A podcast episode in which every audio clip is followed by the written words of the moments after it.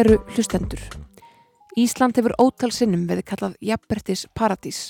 Hér þykir bæði gott að vera sem að er kona eða karl og kynið fólks er ekkert tiltöku mál. Hlutirnir flækjast verulega fyrir fólki sem að fellur utan hennar hefðbunnu kynja hitt tvíekju en jafnvel það horfir þó allt til betri vegar, er það ekki. Það má fara rauk fyrir því að á Íslandi sé auðvelt að koma út á skápnum sem samkynniður og að fara með fyrir lögunum séu við öll orðin jöfn. En hvernig er það samt raunverulega? Að horfast í augu við það að fjölskyldu normið sem hefur blasað við okkur öllum frá barnsaldri sé jafnvel ekki svo framtíð sem eigi fyrir mann að liggja. Hvernig er að þurfa að kingja köknum í hálsunum og segja fóröldum sínum að til þess að barnið þeirra geta orðið hamingusamt sé ólíklegt að því auðnist svo gæfa að geta þeim barna börn. Hvaða völd heimsins lagarsetning og réttindabarta hefur enn ekki náða bæjaburt óttanum sem býr í brjóstinu um að samkynneigðin verði þess valdandi að maður komi kannski til með að þóla aðkast og ofbeldi.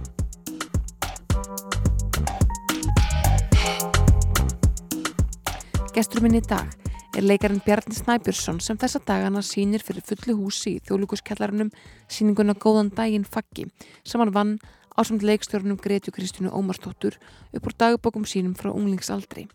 Dagbókum sem ofinbara hugsanir bjarna og vegferðans út úr skápnum og innri baróttuna sem hann háði vegna þess að hann er hommi. Velkomin Bjarni. Takk fyrir. Þú fær með setningu í síningunni sem situr sérstaklega eftir hjá mér og hljómar einhvern veginn svona mest að homma hatrið var hér innra með mér. Hva, hvað áttu við með þessu? Já, bara á eins einfaldan hátt og ég get sagt það á ég við að að ég er alveg upp í bara mjög gagginuðu samfélagi á vestferðum og það var á tímabili þar sem að umræðan var engin og ef hann var einhver um hins einn málöfni á samkynni þá var hann á neikvæðan hátt. Uh, ég fætti 1978 og, og elst þarna upp um 80 upp í 90 og Já og, og bara og samfélagi sem held og ekki bara samfélagi fyrir vestan heldur Ísland og heimurinn innrættu bara homahattur inn í mig því að eina sem að ég læriði var að það var ógeðslegt. Mm. En það tók þig 20 ára að fatta þó þú væri komin út úr skápnum þá væri þetta ennþá tilfinningin, ennþá þetta sjálfshattur. Já. Hva, hvað gerðist? Hvernig kveiknaði það? Þessi meðutönd um það. Um, rauninni gerðist það við það að uh, hella mér onni þessar dagbækur mínar við að búa til þessa síningu við, það var rauninni fyrsta skrifið bara á þetta er ótrúlega áhugavert efni hugsaði ég þegar ég fann þetta fyrir svona þreymur árum síðan dagbækur og bref og svona sem ég hef haldið alla æfi og og við það að dempa mér onni í þetta og, og kynnast í rauninni bjarnabæði sem ungling og ungu manni þegar hann er að koma út úr skapnum uh, þá bara var ég búin að gleima rosa mörgum um, erfiðum hlutum sem að ég hugsaði og erfiðum tilfinningum og, og ég bara uppgötaði mér til hryllings að ég hafði ekki gert þetta upp mm -hmm. þetta hattur Er þetta að gera það upp með þessari síningu eða þurftur að fara í einhverja aðra vinnu til að horfast í augu við mm, litla bjarna? Já, ég þurfti að fara í mjög mikla vinnu með sjálfa mig, meðfram því að halda áfram að skrifa síninguna og, og það var kannski blessunni dölargerfi að COVID kom og frestaði síningunni töluvert og hérna að því að það gaf mér bara meiri tíma til þess að bara taka svolítið á stóra mínum og bara fara til þerapista og, og vera og gera mikla sjálfsvögnu heima mm -hmm. og með sjálfum mér og með ígrundunum og dagbókarskrifum svona leittum dagbókaskrifum og, og það var bara algjörlega til haps fyrir mig og síninguna því að ég komst á annan stað og gæti einhvern veginn skilið efnið uh, utanfrá mm. og, meðan, og meðan ég var einhvern veginn ekki alveg inn í því. Mm. En ef við ímyndum okkur að það séu fleiri menn hann úti sem eru eins og þú fættir einhvern tíman á 8. áratögnum eða fyrr, kannski, kannski 10 áram fyrr og svona á svona tíma, þú veist, samtökin verða til árið sem þú fæðist þú kemur aðeins inn á það í síningunni þannig að þegar það kom að því að stíg út úr skápnum var kannski ekkert versti tími til að koma út úr skápnum svona í Íslandsögunni Einmitt. Eh, eins og það komst líka aðeins að í síningunni er að, að það hefur orðið til þetta orð forréttunda hommi menn sem geta gift sig og hafa sér, la- öll þessi lagalegu réttindi en, en að við ímyndum okkur að það séu fleiri menn sem er að berjast við þessar hluti eins og þú veist að gera já. Er ekki hættu því að þetta liti samböndingar liti samskipti hvort við annan og, og jafnvel við annað fólk? 100% alveg 100% þannig og af því að þú veist ég farin að líta á þetta þannig að samfélagið beitur okkur bara ofbeldi og þetta er ekkit endilega bara homar Nei. þetta er bara allt hins einn fólk og konur, fatlaðir innflytjendur, fólk með annað litarhaft en hvítir, skiljiði þannig að þú veist þetta er rauninni bara öll þessi stanslausu pot og bara skilabóð síbiljandi úr bara frá öllum póstum, þú veist, bara menningun og tungumálunu og bara litli hlutinir sem eru sagður á kaffustofunni eða maður heyrir út undan sér í einhverju stjórnmála umræðu og þú veist, þetta er bara, hefur alveg gríðaleg áhrif á okkur manneskjur, þegar, sérstaklega þegar við erum börn og að því það bara síast allt inn og við bara tökum inn öll skilabóðin þó þessi ekki sagt beinum orðum þá erum við bara svo fáránlega vel gerð sem manneskjur og það er bara okkar kostur og galli að, að skilja og skinja og, og, hérna, og tjá okkur og skilja tjáninguna að við bara tökum þessum skilabóðum þannig. Og, og ef hún er á neðkvaðan hátt og þá bara bara í mjög einföldum orðum var þetta þannig fyrir mig að þú veist, þá var ekkert sagt neitt um samkynneið eða hins einn nema það var neikvætt og þetta var bara einhvern veginn svona óræð skilabóð um einhverja perra og, og einhverja vippa og, og var, þú veist, eitthvað svona niðurlægandi að vera kvenlegur og vera hérna ekki vilja konur eða þú veist, vilja annan mann, þú veist, það var einhvern veginn bara botnin á heiminum eða eitthvað svona, þú veist, þannig að þetta var bara allt eitthvað sem að ég satt uppi með og þurfti að skóla út, sko á setna, Mm, Já, löngu setna er raun og veru. Löng, löngu setna, já. Og ég held ég hafi verið búin að því en ég var ekki búin að því. Mm, Hefur það, hefur það breyttir á síðustu tveimur árum að, að fara í þessa sálsvinnu? Já. mjög Hvern- mikið. Hvernig? um, Sko þegar maður tekur svona arlega til í sér þá og öruglega mörg sem kannast við þetta að þá einhvern veginn fer maður að efast um allt í sambandi við sig og alla sína, öll sín völ og, og ég bara, þú veist, fór að efast um hvort ég væri bara almennt leikari eða sviðslistamaður eða hvort að þú veist og einhverjum tímapunkti efaðist ég sko um kynneið mína líka. Þú veist, það væri bara, þú veist, ég var einhvern veginn allt væri bara undir og einhvern veginn ekkert væri satt við það sem ég er mm. uh, að því þetta var svo stór hluti af mér sem ég hafði bara afneitað um, fyrst að afneita því að ég væri hommi fram að því ég kom til skopnum og svo að afneita því að ég væri bara fullir af emd og hatri sko og þannig að það þurfti bara að strýpa það í burt og ég þurfti bara að fara gegnum tímabil af mikill reyði og sorg líka, einhver svona, ég þurfti að sirkja um, æsku og einhvern ungan ung, tímabil frá því að ég var ungur sem að ég einhvern veginn bara skautaði yfir og, og horfðist ekki augu við eimdina mína. Og þannig að það er kannski bara það sem ég kannski hef lært er að ég hef eh, lært að meta að setja með sjálfu mér líka í eimdini sko setja í mér þegar að, og með mér þegar mér líður illa að því ég bara var vanur að skauta yfir það og bara fara að djama eða fara í skjáinn eða borða eða þú veist, alltaf að hafa nóg að gera, vinna þú veist, það var svona eins og maður segir góður í íslensku, drug of choice. Þú veist, að vinna mig í hel sem er mjög íslenskt fyrirbæri. Og hérna og ég bara lendi kulnun á tímabili, þú veist, áður en ég byrja á þessara sjálfsvinnu, þannig að þannig að bara ég held að, að, að, ég, að það sem hefur kannski mest breytt mér að ég veit að þegar ég upplifi emdina og mér líður ítla að það er allt í lagi. Vist, ég get alveg setið með því og ég get alveg verið með því og, og það hefur ekkert með mig sem manneski að gera. Heldur er þetta bara eðlilegar mannlegar tilfinningar og, og ég get verið þar líka. Þetta, það er þetta verk, góðan daginn faggi það uh, horfir ekki bara inn og við til þín það er líka svolítið svona speill af samfélagið. Þú kemur inn á það að minnstakosti tvísvar svolítið svipu stef þegar þið mæti það sem að en næstu því hægt að kalla ofur umbröðalindi þegar fólk vil svo mikið sanna fyrir þér að því finnist þú í lægi að það er fastaði já, bara dónalegt. Mm. Þó við sem komin þetta langt og ég, minna síðast í gær var ég að segja við börnum mín þessa frægu, þetta, taka þetta fræga samtal sem maður gerir svona nokkur sinnum ég æsku þeirra allra.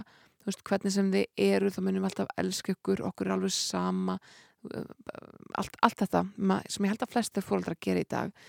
Um, en þá er samt fólk ennþá þarna úti sem að mætir þeir sko með ó, ertu hommi til hamingu Akkurat, já, sem er setning sem ég heift mjög af Hvernig er það? Verður maður ekki svolítið skrítin á svipin þegar að mann mæta mm. sko þegar maður fær þessi viðbröð Jú, og þetta er rauninni sko þetta er þetta er tvíækja auðvitað eru við er þetta mikil gleði að fá um, umburðalindi að einhverju leiti Er það samt ekki svo sjálfsagt að fá jú, jú, nefnilega og þess vegna ætla ég að koma að því. Þú veist, þetta er svona veist, og maður bara fer að hugsa um þú veist, bara þjáningabræður og sískinni og systur út í heimi sem að lifa ekki í þessu samfélagi sem lifum í hérna á Íslandi. Það er nummer eitt og við bara að sjálfsögðu fer maður þangað. En svo að móti kemur að, að við það að fá svona skilabóð og þá er maður alltaf tekin út fyrir svega þá, þá er einhvern veginn maður alltaf myndur á að maður tilheyri ekki alveg almennilega heldur fær maður að tilheyra einhvern veginn uh, þrátt fyrir að maður sé hommi og eigi kærasta. Það er bara já, heyrðu bara til hamingju, þú mátt samt vera með. Og svo klappar viðkomandi sér á aukslina fyrir að vera svona umburðalindur fyrir að leifa okkur hinnum sem eru ekki normal Akkurat, akkurat. rísastóra gæslappa og, og þú veist, þau er bara svona tjekkiboks hérna umburðalindis og hérna fordómaleysis fyrir sig og hérna og einhvern svona réttlæting á eigin fordómaleysi. Og þetta er svona þú veist, og, og kannski það sem að ég myndi leggja til frekar væri bara að þú veist, gera ekki ráð fyrir neinu, bara don't assume. Og þú veist, bara einhvern veginn að og bara taka fólki og hlusta eins og það er. Nummer 1, 2 og 3 sko. Og þetta er sko og bara, og við erum komið líka á þann stað í samfélagin í dag að að það er að fara að vera svo augljóst sko þegar umburðalindið er orðið svona að einhvers konar svona pólitískum gjörningi. Það eru kostningar í dag og maður hefur alveg tekið eftir því að uh, veist, þetta er notað til þess að tekja bóksinn en svo fylgir framkvæmt ekki orðunum og það er svona, og já, því ætla að búa til betra samfélagi en þetta er kannski fólk sem hefur aldrei gert neitt í því.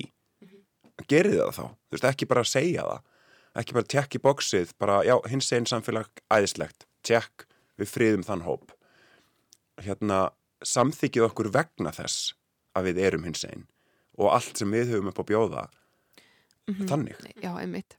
En, uh, en þetta er líka kannski spurningum eitthvað annað en bara lagasetningu. Þetta er spurningum að það þurfa að fara í aðeins flóknari viðhorsbreytingu og, og byrja jafnvel fyrr. fyrr. Sko, fólk þarf kannski að þjálfast í því að fá að geta hig eða þessi litlu viðbröð sem það sýnir þegar það mætir eitthvað sem er hins einn. Þetta er svona mm, svona bliki auga sem gefur mannesku sem er hins einn þessa áminningu um að hún ég sé öðruvísi eða, eða, eða viðkomandi þykjun Mhm. öðruvísi. Hárétt og, og ég held þú hittir naglun á höfuð með að segja fræðsla. Og að því að það er bara grunnurinn að þessu öllu, fræðsla og meðvutund og að, að fólk sem meðvitað um sitt, sín eigin forréttindi þess að komst nú inn á hama á þann uh, og þau sem eru ekki homar en eru bara með að tekja öll bóksinn, þú veist að nú tala mikið um gagginniða hvíta ófallaða sís kallmenn að segja gagginniða, já og hérna, og sem sagt að, að, að auðvita eru við öll mismunandi og við tjekkum öll í einhver forréttindaboks, þú veist, flest allavega hana. Við bara búum á Íslandi sem eru rísa forréttindi. 100% og, og það sem að er svo mikilvægt er að við gerum eitthvað grein fyrir því og, og fræðsla um það hvað eru forréttindi og hvað er rauninni svona gerfi umburðalindi og, og að auka rauninni bara meðvitund um hversu galið það er. Að til dæmis, bara dæmi hérna að strákum er það enn til mingunar að vera kallaðir hommar og kvenleir og það er ekki bara móðgun við alla homma heldur líka konur. Af því að það í því felst að, að það sé eitthvað skammalegt við það að vera kona. Veist, eða kvenleg eða kvenlegur. Og það er bara alveg fáránlegt. Veist, að búa að, veist, í, í þannig ós, samfélagi þar sem er, þessar reglur eru óskrifaðar. Og, og það er rauninni það bara stóra verkefnið finnst mér fyrir okkur sem samfélag er að uppræta þessa kynja tvíhyggju. Svo ég fara nú í fræði tungumálið. Heteronormatífuna að, hérna, að það sé bara ein típa af strákum eða kallmennu sem eru samþygt að við höfum allt til brunns að bera öll til að gefa samfélaginu allt það sem við getum gefið í sem manneskjur.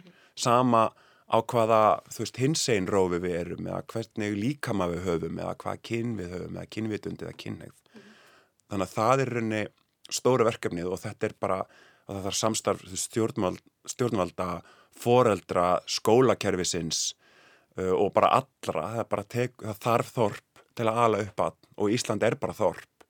Og við getum ótrúlega hluti, við höfum sínt það á sannað sko í gegnum árin. Þannig að þetta er rauninni svona stóra verkefni held ég núna. Að hætta að láta börn skamma sinn fyrir það að vera þau það, það er aðeins tæft á þessum hlutum líka af því að fólk sem er hinsegin samkynniðir eða hvað sem að hvað sem það er, tala stundum um að það þurfi í hverjum einustu félagslegu samskiptum sem það kemur nýtt inn í það, það þurfi það að vera aftur og aftur að koma út úr skápnum mm -hmm. alltaf þartu að koma því að eitthvað staðar að þú sett hinsegin í hvort sem er nýri vinnu, nýjum skóla eða, eða bara nýjum hóp og annars er gert ráð fyrir því eins og, eins og væri í þínu tilfelli að þú eigi konu Já, sem, sem er auðvitað það, það kannski venst en það er samt farilega leiðilt að gera þetta alltaf.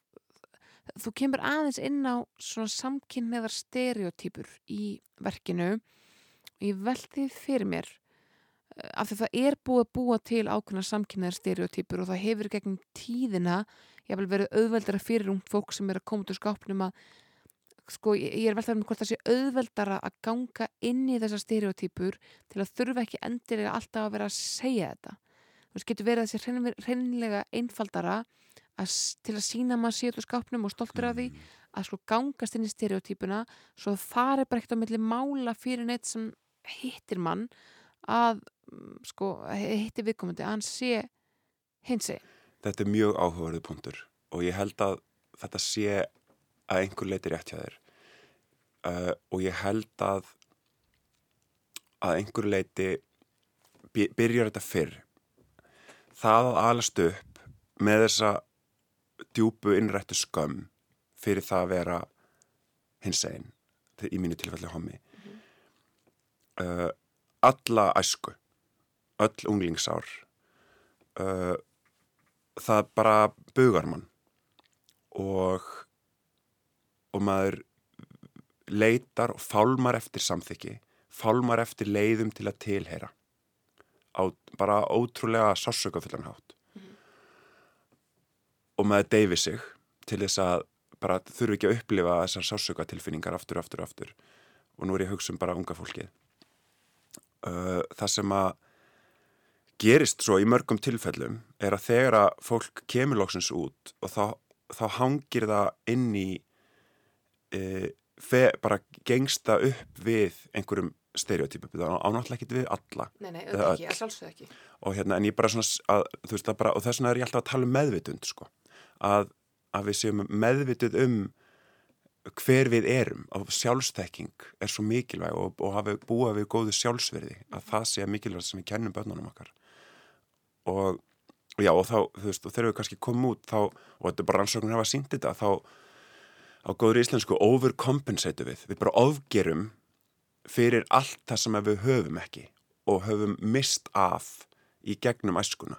Við bara allt í einu tilheru við og það er bara, það er sko sprenging. Við sprengjumst út í því að tilhera og allar tilfinningarnar sem við höfum afneitað okkur um, allar öll sjálfsmyndin sem við höfum afneitað okkur um, bara fær bara allt í einu bara kjarnorku sprengju af orku til þess að taka pláss. Og jú, auðvita, ég er ekki að segja það sé eitthvað að því, við erum alveg við þurfum að upplefa þetta. Við þurfum að eiga þetta tímabil í okkar lífi til þess að takast á við okkur og, og, og, og segja skili við skömmina og finna okkur í hérna, með jafningum okkar og með jafnöldrum okkar og finna hver við erum að því að allt í nöru við að leifa okkur það uh, og það er bara að leifa fólki að eiga það ferðalag svo framalega sem það er ekki að skada sig eða skada aðra þannig að þú veist, þetta er ekki einfalt Nei, eh, nákvæmlega, þetta er auðvitað mjög marglaga. Já, mjög marglaga og djúft á þessu og þetta er, ég er að segja hérna hluti sem er mjög floknir sálfræðilega og, og svona tauga fræðilega og bóðefnalega heilanum skilur. Þetta er bara hvernig við afneitum innrabarnin okkar og erum búin að forrita taugakerfið okkar til þess að breyðast á vissunlátt við og, og svo framvegis. Og svo erum við öll ólík með ólíka bakgrunn og ólíkar hvað ég segja, tilfinningagreind úr hérna, okkar æsku uppeldi og alls konar, veist, þetta, þetta er marglaga og þetta er bara áhugavert að hugsa þetta. Og ég að, ég held að það sem ég langar mest að segja varandi þetta er aftur að bara að meðvitund, gaggrinin hugsun og sjálfsverði ungs fólks og geðheilbriði er bara runa mikilvægsta sem að við bara leggjum til samfélagsins í dag mm -hmm.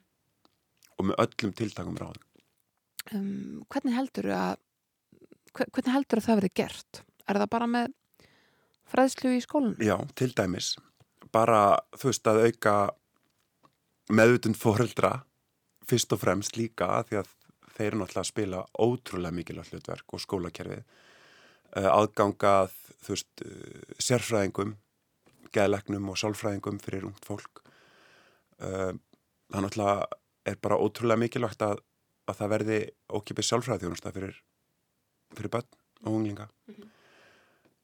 uh, og, og bara auka bara kennslu og hvað segja, tilfinningagreind þú veist að hjálpa ungu fólki að auka það á allan hátt sem mögulegt er til dæmis í gegnum listir mm -hmm. Það er frábærleið, nú er ég líka leiklistakennari og hef kent mjög mikið á ungu fólki og, og börnum í gegnum tíðina og það er alveg einstakt að nota listir til þess. Um, aftur að uh, ég er svona bæði stereotypum og, og þessu ofur umburarlendi sem við myndumst á áðan. Mér þótti mjög hressandi kapli í síningunni þar sem að, að þú ert að tala um að sko allar þessar konur sem vilja eiga homavinni og, og hvernig það samband sem er, sem er líka samband sem hefur verið sko algjörlega notið fulltingis sjónvastáta eins og Vilju Greis og, og fleiri. Eh, Nákvæmlega. Það er búið að búa til þetta samband sko mjög tryggilega í popkultúrnum og, og svo verður þetta svona þessi ríka tilneying einhvern veginn. Konur sem að, einmitt, segist vilja eiga einn homavinn og, og hann að helst að mm. Klæða þær og skáttu þess að vera vangmaður á barnum og, og sko í, samskiptu við hittkinnið og passa hvernig þær líta út og að líka vera einhvern veginn svona svolítið gaggrininn, þú veist, geta sagt það sem að aðrir þór ekki segja við þær en svo alltaf svona tryggur vinnur til staðar sko, þetta er alveg svona mjög svona sérstök niður njörfið hugmynd hefur hefur heitt marga svona konur? Já, já, ég hef gert það og kannski helst áður fyrr. Þegar ég var nú kannski svona nýkomin út úr skapnum og maður var svona að finna sig og um, og þetta er uh, þetta er eins og allt bara tvíækja sverð.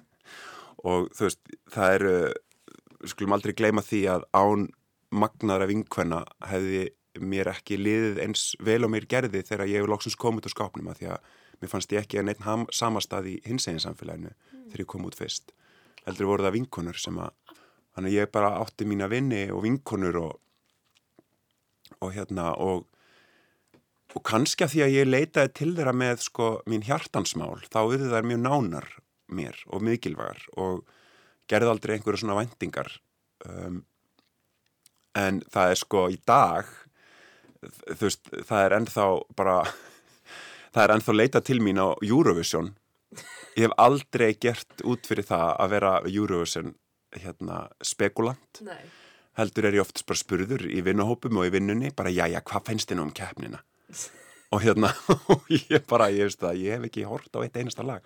Stundum horfi ég alveg og mér skoðun á því að því að ég er söngari og sviðslistamaður og leikari og listamaður í performance og Íslandingur og Íslendingur og mér finnst það gaman en ég hef ekki, ekki farið einhvern veginn djúft í að, að hérna, muna allt og ég elska poptónlist og allt það en veist en það er bara áhugavert hvernig svona, það poppar alltaf upp á hverju einasta ári þá er ég spurður út í þetta og ég bara stundum og ég elska það þegar ég er ekki búin að fylgjast með neinu Já. og segja, viðstu það ég veit ekki neitt að því ég er ekki búin að horfa á þetta og það kemur oft illa upp á fólk en, en bara Hvað meinar í þú? Ert ert Já, þú spá ykkur ná- er bara að vinna? Einmitt. En sko draumurum minn og ég segi það hér og nú og í, já, ríkisútvarpu okkar landsmanna draumurum minn er sko að vera vera host þegar við vinnum. Já, þá vil ég vera kynnir. Já, það er búið að vera draumur minn frá því að ég var unglingur.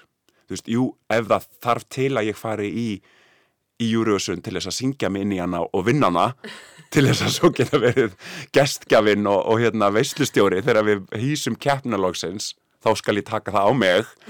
En, en það er búið að vera draumi frá því að ég var unglingur að vera, þú veist, bara eitthvað sá sem að tekur um út þessum símtölunum og ég tala frönsku og ég get alveg sagt Íslandu, 12 point þannig að ég, bara, ég, ég skal taka það alla leið. Ég hef mikið áhuga því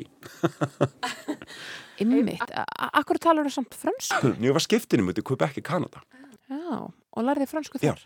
bara í fransku mannleiti fjölskyldu og skóla og... Þú kemur aðeins inn á útlöndið mitt í þessari síningu. Það er svona kvartlar aðmanni þegar þú talar um jafnbryttis paradísina Ísland og að það sé svo aðeinslega að vera hommi hérna. mm Það er svona, það fyrsta sem ég hugsaði var, já, en við erum rosalega fá. Það hlýtur að há hinsins samfélaginu á Íslandi hvað við erum fá. Það eru bara mjög fáir fiskar í þessari tjörn. Upplifur þú það ekki sem vandamál? Það er bara úr fáum kostum að velja og samfélagið er lítið. Jú, Sandla mér finnst það vera sko það er náttúrulega kostur og gallar eins og við allt Já. Vá, ég seti rosa oft í þessu viðtali Já, það er bara bara- eitthvað, já, það er tví ekki að sverð og það er alls konar, en það er lífið er þannig Þannig lífið er þannig. Það eru kostur og gallar, ég á, þú veist bara, ég myndi segja að ég þekki alla sem eru á mínum aldri í hins eginn samfélaginu, þú veist, þá er að tala um samkynnaða kallmenn sem að væri mögulega í mínum potti. Og þú veist, dásanlegt fólk. Og ég veit ekki alveg og það eru kostir sem fylgja því en vissulega eru fáir fiskar í sjónum hér. Einmitt. og sem betur fyrir heimurinn að minga og ég veit þekki, þekki mjög marga sem að bara eiga erlenda kærasta og einmenn. Og þú veist, það er alltaf verða auðveldara sko. Og kannski, mm, kannski hefur orðið eitthvað landflótti eða þú veist, eitthvað svolítið margir farið úr landi til þess að eitthvað nefnir, nefnir, syndum eða stærri tjörn.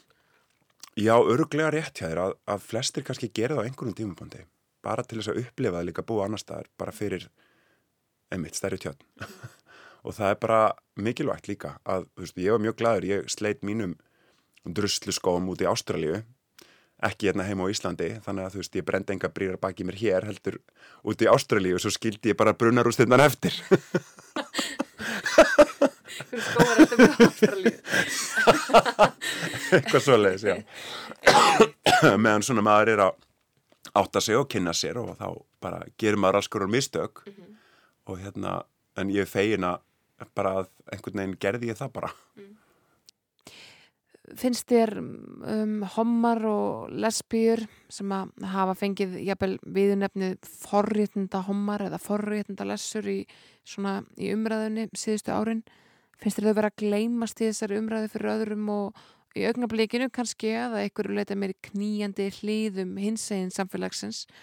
Erum við, erum við að missa sjónar á því að það sé kannski ekkert búið að taka nógu vel utan um samkynnið ungmenni? sko, eftir að hafa unnið þessa síningu og farið bara mjög djúft og nýta efni og skilið þetta kannski aðeins á öðrum, öðrum levelum þá finnst mér alveg rakið að við erum bara öll hinsegin. Og ég eftir þessa síningu þá skilgreinir mig frekar sem hinsegin en hommi. Mm -hmm. og meðan kannski vor skilgreindi ég mig sem hommi. Mm. að því mér langar að tilheyra öllum hinsegin og ég tel mig tilheyra því. Allir er að klifinni Allir er að klifinni að því að við erum öll að berjast við sama sömu döbla mm -hmm. og, veist, og sömu sögur einhvern veginn í varðandi að takast á við hérna, eh, hérna uh, heteronormatífuna og einhvern veginn skömmin að við til er ekki sem ungt fólk og, og svo réttindabaróttuna og við eigum bara að hjálpa hvort öðru við það. Það er algjörlega rakið dæmi fyrir mér. Það sem mér finnst varandi spurninguna en varandi að vera forréttindahami þá finnst mér mikilvægt að, að, við öll gerum okkur grein fyrir því hvar við búum við forréttindi. Ég til dæmis bý við þau forréttindi að vera íslenskur kvítur sís ófallaður kallmaður mm -hmm. og það eru mikil forréttindi sem fylgast í því og ég er líka leikari við þjóðlíkusu, ég hef plattform þar til að búa til síningu um hins einn málefni og mér finnst það að vera skilda mín sem listamæður að, og með þessi fórættindi að nota þetta plattform til þess að segja hins einn sögur að ég get það fyrir hins einn samfélagið og fyrir þjóðina til þess að læra um hins einn samfélagið mm -hmm. þannig að það er ekkert að því að búa við fórættindi við erum öll með einhver forrættindi einhver staðar uh, og við þurfum að vera meðvituð um þau og nýta þau til þess að búa til betra samfélag fyrir öll hinn sem að búa ekki við sömu forrættindi. Mm -hmm. Það er bara algjörlega grunnurinn að þessu. Mm og, og það er ekkert að skamma sín fyrir. Þú veist, við fæðumst með mismunandi forrættindi, við erum með mismunandi líkama á þessuna mismunandi forrættindi, þannig að við erum bara þannig. Og það er ekki eins og veist, það er engin skömm í því að vera ég með þessi fórhættindi, þú veist, það er bara þannig þannig að, en ég þarf að gera mig grein fyrir þeim En, en sumir upplifa það sem árás þegar, að, þegar það bent á sko, heyrðu nú mig, þú stendur hérna skur ofar en þessi hér og, og þarf það hjálpa um upp. Sko, sumir verðast upplifa það sem þú veist, þú segja byrju fyrir geðun og mig, ég hef þurft að klástu mikla erfileika mínu lífi. Hvað áttu við með það að ég sé með forrættindi, þú veist, það verða mjög móðgæður Já, einmitt, einmitt, það er áhugavert. Ég veit ekki af hverju Nei. fólk verið móðgæður því, kannski. Eh, eh, Sko það upplifir eitthvað árás og, og auðvitað maður helst að horfa svona starka karla í íslensku samfélagi sem emitt eru gagginniðir, ófallaður og jafnvel ríkir Akkurat. þeir upplifa þessa umræðu sem eitthvað svona ásökun á þá að þeir hafi Einmitt. þeir beri ábyrð sko á forhundu sínum þar að segja á því að þeir séu að þeir standi betur, standi betur af víi En þú veist en það er kannski bara og kem aftur af því bara hversu mikilvægt er fyrir öll, okkur öll að læra hlusta bara mm -hmm. þú veist og fyrir þá líka að læra hlusta á okkur hinn þú veist og, á, og við hlustum á þau sem eru enn eðar þú veist í forréttindaskalanum að bara heyra hvað fólk hefur að segja og, og bara valið þetta þeirra tilfinningar og upplifanir mm -hmm. og hérna af því að þetta er bara flókið það er bara flókið að vera til og við erum öll bara með alls konar pakka og það er allt í lægi og við þurfum bara að veita því viðtækt. Þetta er ekkit þetta er flókið og ekki flókið. Sýningin hefur gengið fyrir fullu húsi í nokkrar vikur. Gerur ráð fyrir að sína þar til bara, já, allir eru búin að sjá hana, þar til að það verði ekki fleiri meðar seldir. Ég gerir ráð fyrir því að sína hana bara eins lengi og mögulegt er. Og við höfum um gott samstarfið þjóðlugúsið, leikvöpurinn okkar, stertabenda og sem er líka samastendur af Axel Inga Árnarsinni tónskaldis og það komið fram líka viðtælinu að hérna við höfum gott samstarfið þjóðlugúsið og, og við bara munum sína þetta eins svo framalega sem að miðar seljast mm -hmm. og vonandi bara sem allra lengst mm -hmm. Serðu fyrir þér að fara hringin í kringum landið þú döðut frá tálnafyrði og þó, það er greinlegt að þó það sé fallegu staður og, og því fylgji margir góðu kostir að alast upp á tálnafyrði að þá og svona sunnum verður vestfjörðum þá hafi það líka áhrif á þessa líðan þína, það svona lokaða mm, samfélag. Já Já, og við öll, ég og Greta og Axel erum öll utan á landi mm -hmm. og okkur langar mikið að fara hring með þetta og gera meira úr þessu. Og ekki bara fyrir sko litlu samfélögin af því það eru líklega í hverjum einsta stað the only gay in the village. Eða lesbían eða trans eða hvað sem er eða tvíkinhegður eða og það er bara mikilvægt fyrir okkur að eiga þetta samtal og opna það á svona berskjaldan hátt til þess að þess að fræða og auka meðvutund og ekki bara í öllum bæjarfélögum á Íslandi og höfuborgarsvæðin heldur líka bara í skólakerfin það væri algjörlega draumur okkar að, að hérna, geta bóðið skólahópum upp á þetta og, og eiga alltaf umræður og samtal um það sko.